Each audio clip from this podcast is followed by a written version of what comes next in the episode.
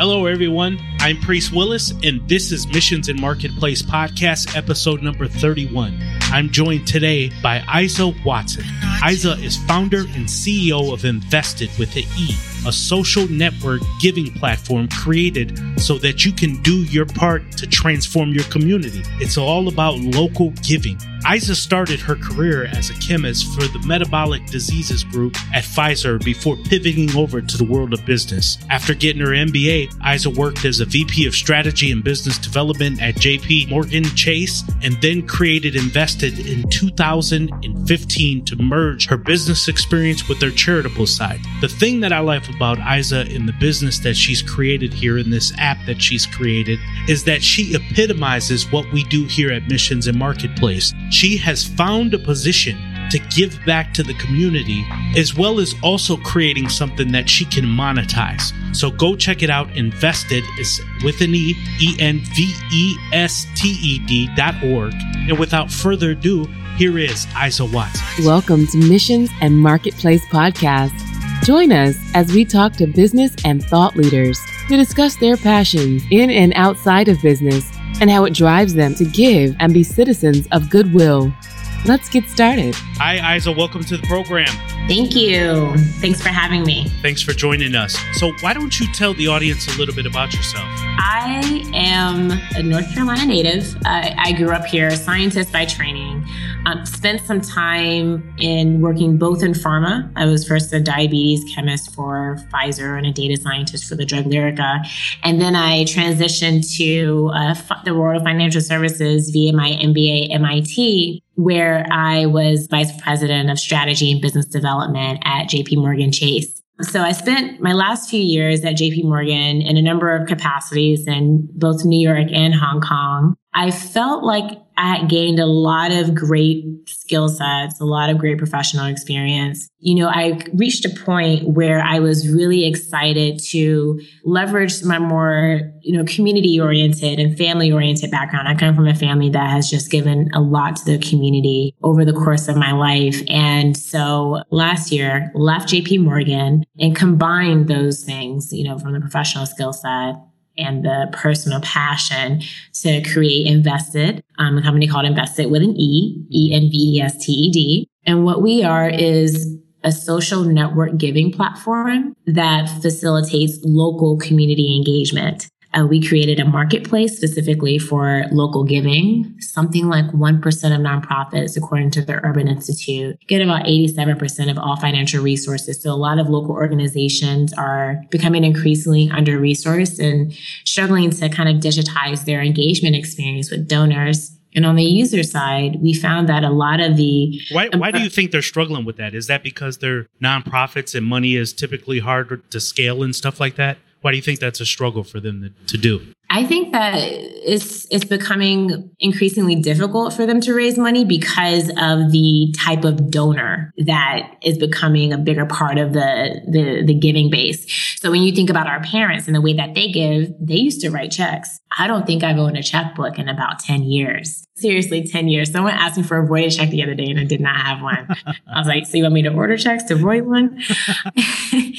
and so, you know, when you think about creating a digital experience and an experience that's particularly engaging on the digital side, not just transactional, that's a specific skill set that some of the nonprofits haven't quite secured internally within their within their four walls. And so that's where a solution like Envested comes in to help them digitize their experience. I was going to ask, how would you, you know, this is probably a standard question that you typically get, but how do you go from a scientist to somebody that works in banking? You kind of brought it up that you saw a lot, your family do a lot of giving and stuff like that. What made you focus right to that? Did you see a bigger opportunity there? Did you just get tired of Wall Street and just the scientist side of things? Because you spend so much time in school, and we're going to talk about that for a second. But but but what made you just kind of go completely outside of you know what you went to school for, essentially, to to focus in on some other stuff? You know, it's really interesting, Priest. I had a very early love for science. Uh, my dad was a computer engineer, and I spent quite a bit of my formative years just shadowing my dad and things that he did. You know, I always tell the story about how when I was seven, instead of buying me a computer, my dad would buy me the computer parts and make me build a computer.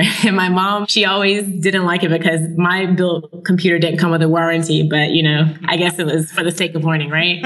really, I just, I kind of developed a love for creating things. And I think that I really wanted to create something with meaning. And my first kind of way of doing that was by creating medicine. So my um, specialty within chemistry was in organic chemistry um, in nanomedicines, building drug delivery systems. So I think that going back to, to the science side and why I started there, how I started there, I started there because I really have always been attracted to solving very complex problems. You know, complexity is something that I think, you know, some people run for. If it's complex, I usually run to it. And some people call me crazy. And so I, I would say that when I transitioned from science, I went to business school because, you know, as a scientist, you, you are very focused on a specific niche. I, I was a published scientist. I was published in um, scientific journals. I won a lot of national competitions and awards over the course of many years, starting from high school, actually. You know, I really said, I really want to take kind of this impact and magnify it. You know, being a scientist at a place like Pfizer, when you're in discovery research, you're probably 15 to 20 years from seeing what you do hit the market That's and impact consumers. That's right. I was going to be retired by then. Yeah. and it's very unlikely that what you do actually hits them. And so I really wanted to be close to the impact. And that was what drove my decision to go to business school. So I wrapped up at MIT. But when I was at MIT, one thing I noticed was a lot of different sectors um, recruiting me, you know, all the way from healthcare, but financial services, consulting, you know, technology companies. And I eventually ended up at JP Morgan because I was in a very specific niche general management training program that was sponsored by very senior management. It was an opportunity to take my very analytical um, and problem solving skill set and apply it to some big complex problems, whether that was in, you know, in things that affected a lot of people, whether that was in mortgage banking, whether that was building retirement products in the US and in Hong Kong, all the way to building the right strategies for small businesses to bank better and have easier banking relationships with Chase. Like these were very meaningful things I was actually able to do that affected millions of clients. And so the driver of this has always been where can I attack a very complex problem and impact as many people as I can? And I think the decision to, to leave JP Morgan was you know, it was it was a great experience. I learned a ton from my time there. I think it's a great company, but my decision to leave JP Morgan Chase was really fueled by the fact that I really wanted to take the skills that I had built and use those skills to drive very meaningful impact to our communities. And I felt that, call me cliche, but I really do believe that in life, to whom much is given, much is required. Mm. I felt it was my duty and it was something I really wanted to do. I'm really excited about it, Priest. Envested has been doing really well and we've really impacted the community in some meaningful ways already. And so that that gives me fire every day and it gives me joy to to see the impact that the solution that we have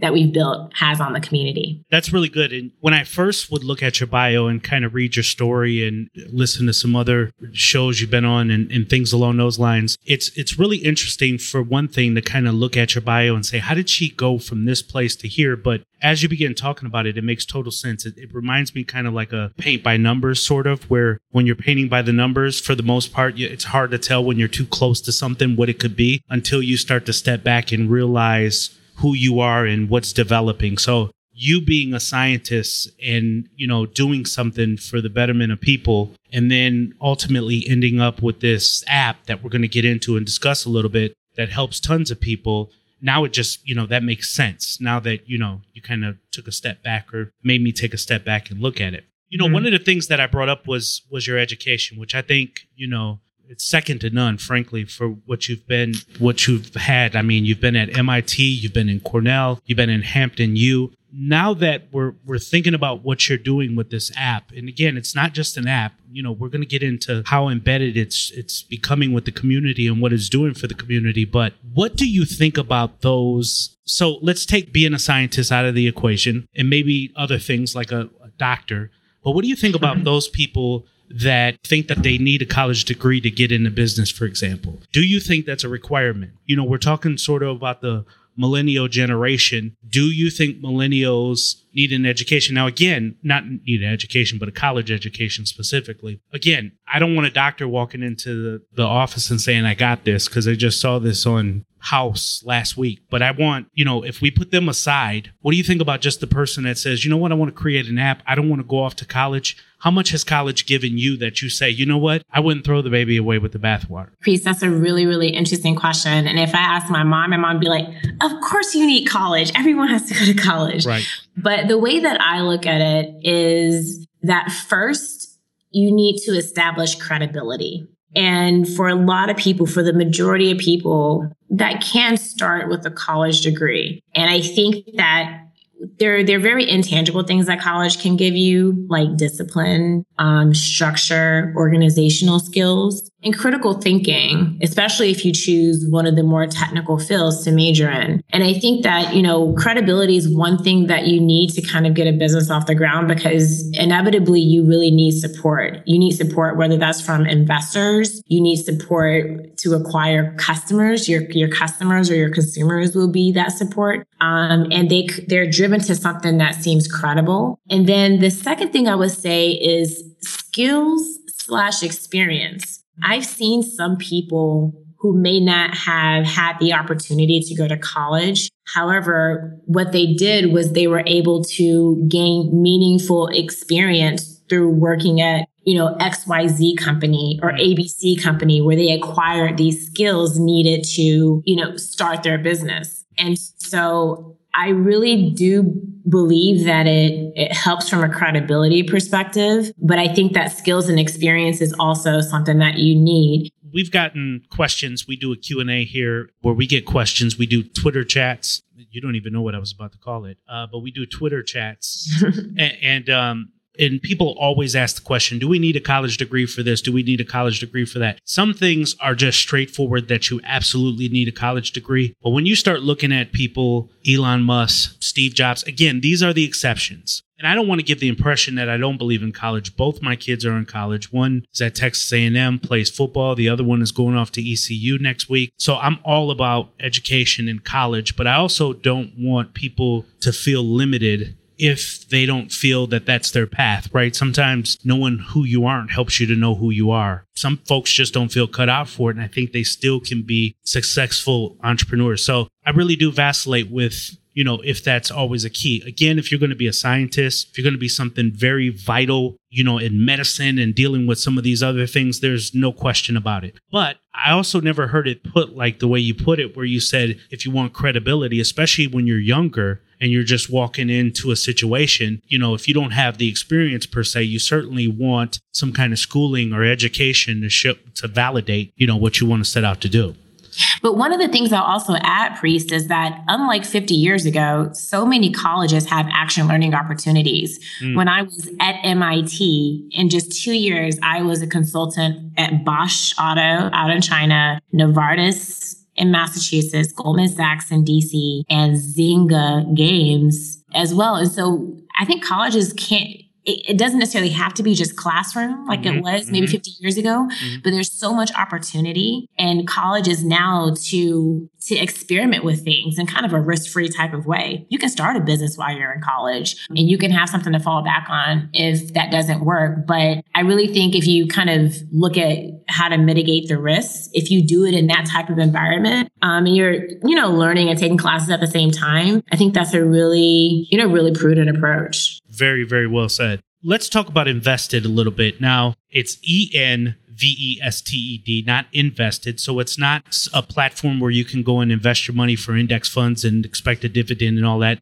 Am I correct that it's a play on words where you're kind of investing in your community by giving to causes, local causes, and things along those lines? Yes. The way that we came up with the name Envested was that we listened to a lot of millennials in particular talk about this notion of giving. They didn't like the term giving. I don't want to just give. It, it insinuates that I just cut the check and turn my back and walk away. Mm. What I really want to do is be engaged because when I'm engaged, I'm invested with an I. So we combine those two invested, engaged investing to one to just address the terminology that people wanted to use when talking about being active with their community. You know, I watched this. I'm not sure if you saw this. Um, it was a documentary and it was called Poverty Inc. And uh-huh. what it talked about was how people, even with companies like Tom Shoes, so what's really exploding right now is social entrepreneurs. Even Affiliate Mission has kind of a, a social aspect to it, right? But the way that I think you guys are doing it is amazing. It reminds me of another thing that a guy named Shaun King, who gets probably more press than he wants right now for other reasons, he started something called Hope Mob. And Hope Mob is kind of like a crowdfunding thing where people have separate issues to platform that they have where they have, you know, they got their car repoed and they need money to get it back. So everybody will basically give in their money, see that that person gets their car back, boom, they have it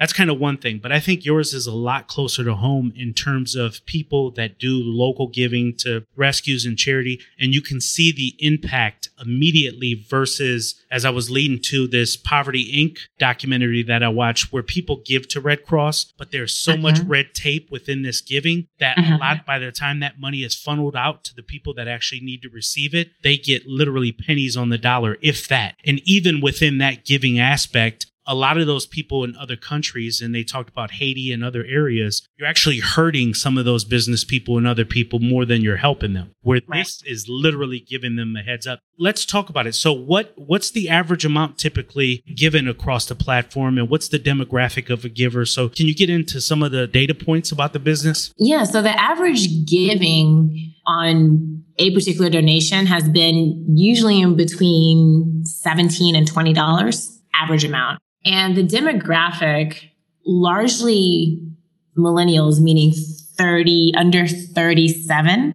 But the interesting thing about it, Priest, is that we, when we first built this product, we positioned it as a millennial product. We are this product, we are the solution of the future. But um, one of the things that we've realized is that this has resonated quite well with the boomers and Xers as well, who who said, you know, actually, we wanted to do this all along. We just didn't have the capability. Totally. Um, I I always find it funny when people say, not you guys, this isn't about you, but when people say, you know, like millennials love to go on vacation, as if Gen Xers don't. Right? right? So, or millennials love to do this, and like, yeah, we love working. Seven. I'm a Gen Xer. I'm 41. My My mind just explodes sometimes when I hear about like, and millennials they love to go back to their parents. I would have loved that too if my dad would have let me come back. He didn't, so you know, I missed that boat on that one. But this is cool. This makes sense that you guys would put something in place that wasn't there and yeah, Gen Xers, baby boomers, and all of them would, would come to it because there's nothing that I know of that's like it. So that's really cool. I went off on a tangent. I'm sorry. So what were you saying about the demographic though? Yeah, so the demographic is mostly millennial, but we do have some some Xers and boomers in there as well.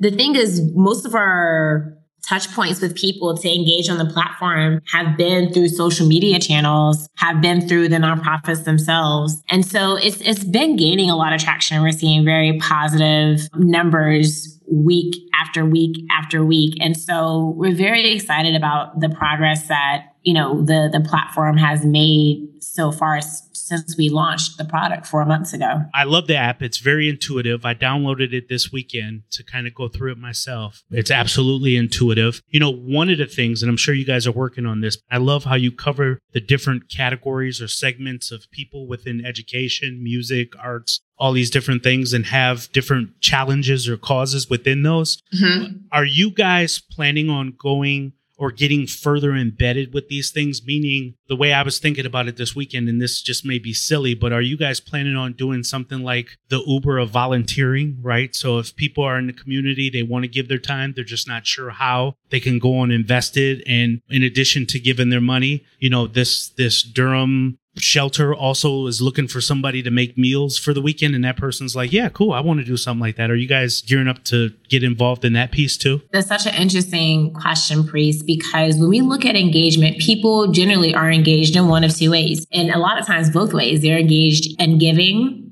and or volunteering. So when we had to scope out the launch of the product, from a tech side, you have to control the scope closely enough so that your user knows who you are and what you're doing, and you can prove the basic functionalities of the app. That said, volunteering um, and the layering on of volunteering in particular, those opportunities locally, has been something that we have discussed as in scope for future versions of the platform. We just have to figure out um, and finalize when when the timing will be to add that capability yes we want to be 10 years from now 20 years from now the platform that people think of when they think of local community engagement whether that's giving whether that's volunteering and also storytelling and you know sharing various stories through the community. I, it's so funny. I've never heard of the term Uber for volunteering before. I, I, I, literally just made that up right now. So you're free. To, you're free to take it if you want. It's yours. The Uber for anything is pretty catchy these days, right? I, I guess so. So I half stole it. I didn't. I didn't think of it all myself. I guess. So how do you monetize this app? You know, it's really cool. I totally get the premise of it. I think you guys are absolutely on to something and have something really cool here. But how do you monetize it? What do you What do you do to get money in? It's because we have a different revenue strategy than pretty much all of our competitors in the space who charge the nonprofits a fee based on transaction size. So our competitors are largely charging a 5 to 10% fee of what the nonprofits raise, which when a nonprofit has a local nonprofit has a $500,000 operating budget a year, $50,000 is actually quite meaningful mm-hmm. to them. So what we believe at Envested is that we really, really want to help the nonprofits retain their resources, the local organizations, because they're really driving impact in our communities. And it's our job to really help facilitate that. The way that we monetize actually is through partnerships with companies. In particular, a lot of organizations are struggling with you know, when you think about the two stakeholders of an organization, you have your employees and you mm-hmm. have your customers. A lot of organizations are really struggling with the millennial engagement problem. It's at an all time high. Millennial turnover is costing companies about $30 billion a year just in direct training and recruiting costs. And so a lot of HR departments are now looking for more innovative ways to engage their employees. About six in 10 millennials are actually unengaged from the workforce or from their workplace. And so what we did is we created a, we're creating a corporate solution that we are launching where there's an, an employee giving platform, an employee engagement platform that is deployed to enterprises. So it's an enterprise solution. And we're able to do that at a nominal fee and make the numbers work. That is one of the main ways we're monetizing. And then we have a few. Are you almost white labeling your platform to use for other EPPs or employee form engagements? Is that it, right? So like Lenovo. So I do a lot of business with Lenovo. They have an EPP where employees can go in, they can buy stuff, get discounts, but they also can do some giving to the Boys and Girls Club and all that other stuff. Are you guys creating some white label platform of Envested so that people can work through that through the companies? Is that what you're saying, or did I just blow that whole thing up? You got part of it. So the the the solution that we're selling now is not white labeled. It's just an Envested solution, and the the com- the company has a corporate profile on Got the it. Envested platform. Got it. Where only their employees can join. That makes sense. Mm-hmm. Uh, so this is a cliche question, but I have to ask it. What does a typical day look like for you as you're trying to scale the business and you're you're building something that's new, fresh, exciting? You know what what are you doing from day to day? And I know probably changes every day, but just give me a typical day. Man, priest, I I wish I had a typical day um, but what I'll tell you is typical of every day is that I wake up about 5.30 in the morning. Um, I wake up at 5.30 every morning and tackle my emails.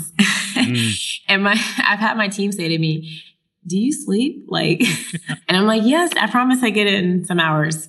But I wake up about 5.30 every morning. One of the things about being an entrepreneur is that it's very stressful mm. on your body. It's very stressful mentally, physically, emotionally. So one of my priorities is taking care of myself and my body. So I make sure I get up and I eat a good breakfast. I come into work usually between anywhere from 7 to 8.30. And I alternate my day between blocks of working time and meetings. I try not to schedule a whole day full of meetings. Um, unfortunately, today was not one of those days where I was able to achieve that usually between, you know, I have catch up with my people on my team or, you know, meetings with key stakeholders in the community, whether that's, you know, companies, whether that's, you know, various community influencers, organizations out there. Um, but I always block off chunks of time where I need to respond to things, I actually need to work. I need to get out this, build a strategy, respond to emails, things of that nature. So I would say generally alternating. I, I have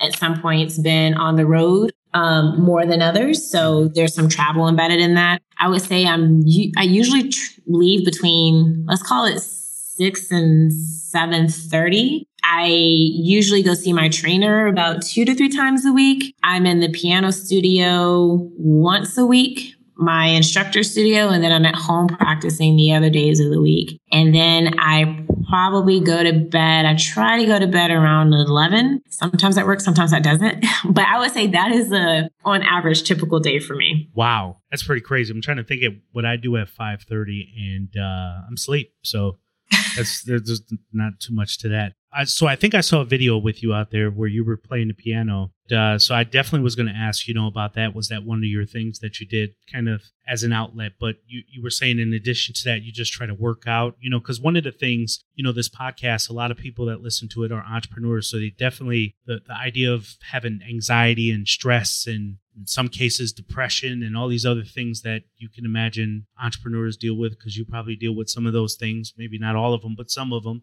that's part of your outlet is exercise and what else do you do do you what else do you get caught up into where you just try to let go i know it's hard to do because you're building something but what do you do to to just get offline and just build yourself back up one of those things is playing the piano. I've been playing the piano for about 25 years now. And starting from a young age, when you start that young and have played this long, it ends up being one of your outlets. Um, it ends up being that thing that allows you to disconnect from the world and just clear your mind. You know, I'm working on some pieces right now. I play mostly classical, Chopin, Mozart, Beethoven, Bach. I just started a Schubert piece, Ave Maria, which I really, really love. But piano is definitely my outlet. I have a room in my house where my piano, where I have my keyboard there, um, and I have a grand downstairs, and then I also have a cello there that I play as well. I play, so I play a few instruments, but uh, piano is definitely the the instrument that I've played the longest, and it's the instrument that I'm most connected to. I would say that one of the other things that I do is I've always been then mentoring and giving back has always been part of my family history. My parents have always, I, I, feel like growing up, my house was like a community house. People would just come over because they needed help with their homework and not even call. And my parents were like, yeah, sure, come on in. Like, you know, we'll help you or get one of the kids to help you. And so just being a, so, so grounded in that type of environment, I, I just find it so fulfilling to, to give back via mentoring. And so I've done quite a bit of mentoring, um, and I still do with people in high school, people in college, people in er- their early stages of their career, because it's just, even though it's I, it doesn't allow you to disconnect as much as something like piano does It's something that makes me feel fulfilled. And to be quite honest with you, priest, not to repeat myself, but like I said, to whom much is given, much is required. Absolutely. I feel that it's my duty, you know, given where I've been, given the things that I have achieved, and I've been so fortunate, and I'm very grateful every day. I think it's my duty to give back to the community in ways that are you know, also more high touch, like mentoring. And so I have a lot of those relationships that I maintain. And because I've lived on three continents, I have those relationships on three continents. so I lived um, in, here in the US. I've previously also lived in London and Hong Kong. And so um, I have those relationships all over. I like to maintain those. That's really impressive. I mean, that's why I wanted to talk to you because you're impressive as an entrepreneur. I really like the the platform itself Envested but I think your story is amazing. I purposely didn't, you know, touch on your father, but I'm sure a lot of that plays into, you know, the role of who you are today. It speaks volumes of you and where the business is going. So you, you are absolutely blessed for sure. And, you know, I think that this generation is a little bit different in terms of how they do want to leave a legacy and sort of leave a mark even with their business. So they want kind of a conscious capitalism versus just trying to get everything for themselves. I mean, I always tell people like I'm okay with being a a 700,000 versus a 1.2 millionaire, right? You can give your employees a little bit more and give the people around you a little bit more and give people a hand up. So you are the absolute example of that. You are the absolute example of why we do Missions and Marketplace podcast because you are in the marketplace, but you also have a mission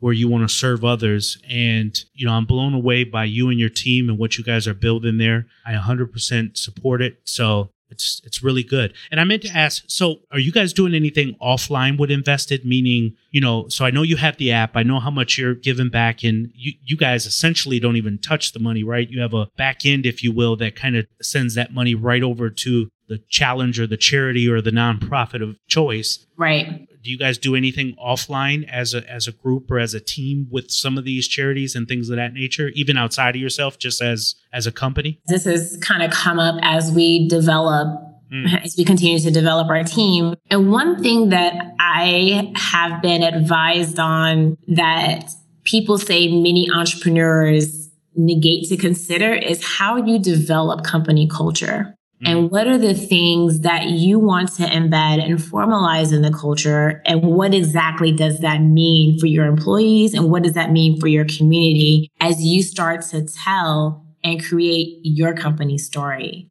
And so one of the things that we've discussed as an Envested team have yet to formalize it, but it's definitely um, in the near term is having a half a day once a month where our team just goes and volunteers for one of our partner nonprofits. Volunteering can look you know a few different ways but one of the things that we want to do is is leverage our our their our team skill set. So we'll do you know kitchen volunteer work but we'll also do maybe some marketing and communications work for you and, and give you some help on that or maybe some product work on your your website. And so that's one of the things that we're looking to embed into our company culture but we haven't quite formalized it yet but it's definitely in the work. You're right on track. And the reason why i asked that question was for that very reason because a lot of times companies i went out to las vegas uh, i got a chance to talk to the ceo tony and some other people at zappos and one of the biggest things that they told me was that sometimes you want to do good for your community and you're doing good in a sense but then it just becomes like work right? The transactions are done you're building an app you're getting caught up in the data you're building this business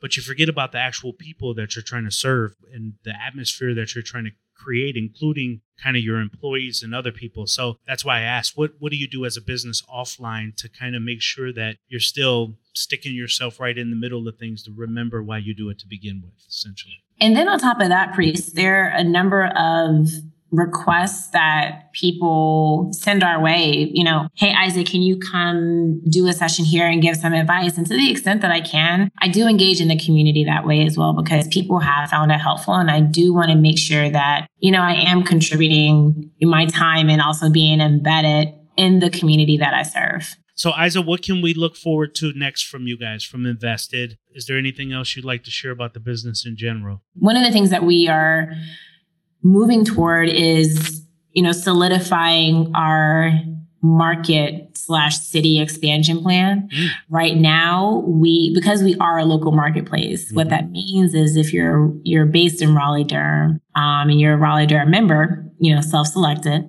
the nonprofits you see and the community activity you see is all Raleigh Durham activity. But if you're an Atlanta user, the nonprofits and activity you see is based on Atlanta. Got it. Um, and so right now we are starting to strategize on our expansion because we're going to be creating and expanding local marketplaces. So I think that is something for people to look out for. And for people that want to want us to notify them when we do enter their market, we have a contact form on our website. So people can go um, to www.envested.org slash contact and they can fill out their name and their email and what city they're in. And we will notify them when we come to their city. And that's something that we've seen a lot of you know activity from um, already you know those requests. People can submit their city if they say hey i'm in rhode island and i want you know there's some things here that i'd like to you know at least submit. Can they do that with you as well? We have a drop down of pretty much every major city in the US.